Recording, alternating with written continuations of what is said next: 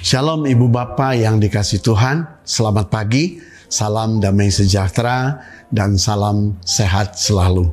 Pastor Meset pagi ini saya akan ambil tema sikap dalam menghadapi krisis. Apa itu krisis? Krisis adalah sebuah keadaan yang sangat berbahaya sebetulnya karena mungkin saja kalau itu berhubungan dengan sakit yang belum sembuh-sembuh dan dia mengalami penderitaan dan akhirnya dia ada di sebuah keadaan yang disebut krisis tentu dalam hal ini. Kemudian juga di dalam hal ekonomi, pekerjaan, bisnis, keuangan. Kalau itu semakin turun dan kita tidak mengambil satu sikap yang benar, maka kita pun ada di dalam kondisi krisis dalam hidup kita. Ya. Nah, hari ini kita mau belajar bersama karena ada dua sikap yang biasanya itu dijalankan atau dilakukan oleh orang-orang yang menghadapi yang namanya krisis di dalam hidup dia. Sikap yang pertama itu adalah penderitaan membuat kita justru berpaling kepada Allah. Artinya, bagi kita orang percaya, kita tidak boleh melepaskan atau menanggalkan iman percaya kita.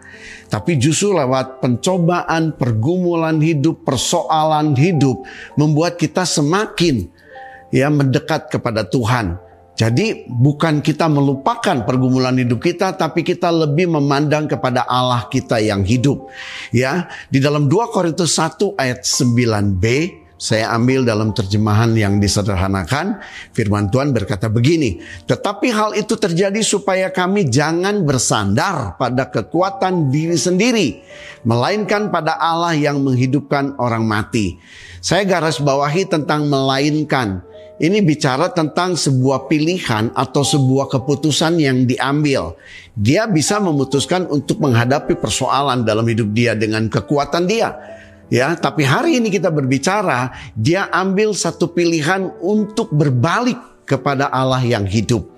Nah, mungkin ini perlu dipahami bersama-sama karena kita punya Tuhan yang selalu menjadi pembela di dalam hidup kita. Orang yang memiliki sikap seperti ini atau sikap yang berpaling kepada Allah bukan sekedar menguat-nguatkan hati. Bukan sekedar seolah-olah tidak terjadi apa-apa di dalam hidupnya. Atau dia hanya pura-pura senang saja ya dia pasang wajah yang tersenyum lebar padahal hatinya hancur berkeping-keping. Bukan seperti itu. Tapi ini sungguh-sungguh dinyatakan di dalam iman percaya dia. Sehingga dia yakin dalam persoalan apa pun sepanjang kita bersandar kepada Allah yang kita sembah di dalam nama Yesus Tuhan, maka kita tidak akan kehilangan masa depan kita. Ingat bahwa masa depan yang gilang gemilang itu ada di dalam rencana Tuhan yang sempurna. Amsal 23 18 berbicara begini, karena masa depan sungguh ada dan harapanmu tidak akan hilang. Jadi mari ambil sebuah keputusan yang betul-betul berkenan di hadapan Tuhan, yaitu dalam menghadapi setiap persoalan sampai keadaan krisis sekalipun, jangan bersandar kepada kekuatan sendiri, tapi andalkan Tuhan. Nah, sikap yang kedua yang perlu kita uh, waspadai bersama-sama adalah sikap menyalahkan keadaan atau menyalahkan diri sendiri.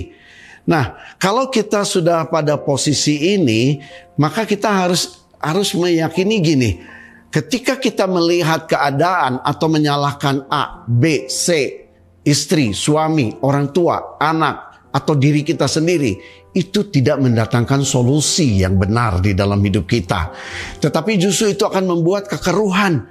Kita akan semakin mengalami penderitaan yang lebih dalam lagi. Ya, jadi ketika kita berhadapan dengan pergumulan hidup seperti itu, mari kita percaya bahwa Yesus ingin ada sebuah pengakuan di dalam diri kita bahwa kita punya sikap iman yang benar. Nah, salah satu contoh adalah ketika Yesus ada melihat banyak orang mengalami mujizat di kolam Bethesda. Ya, beberapa orang ketika malaikat turun, Alkitab katakan orang-orang sakit masuk ke kolam dan akhirnya mereka keluar dengan kesembuhan. Nah, ada satu orang lumpuh yang sudah lama lumpuh. Yesus melihat ini. Kemudian Yesus bertanya, apa yang harus aku lakukan untuk engkau? Nah, seharusnya orang ini dengan iman percaya berkata, aku ingin sembuh. Tapi yang dia katakan dia salahkan keadaan, ya. Seperti di dalam Yohanes 5 ayat yang ketujuh. Saya bacakan.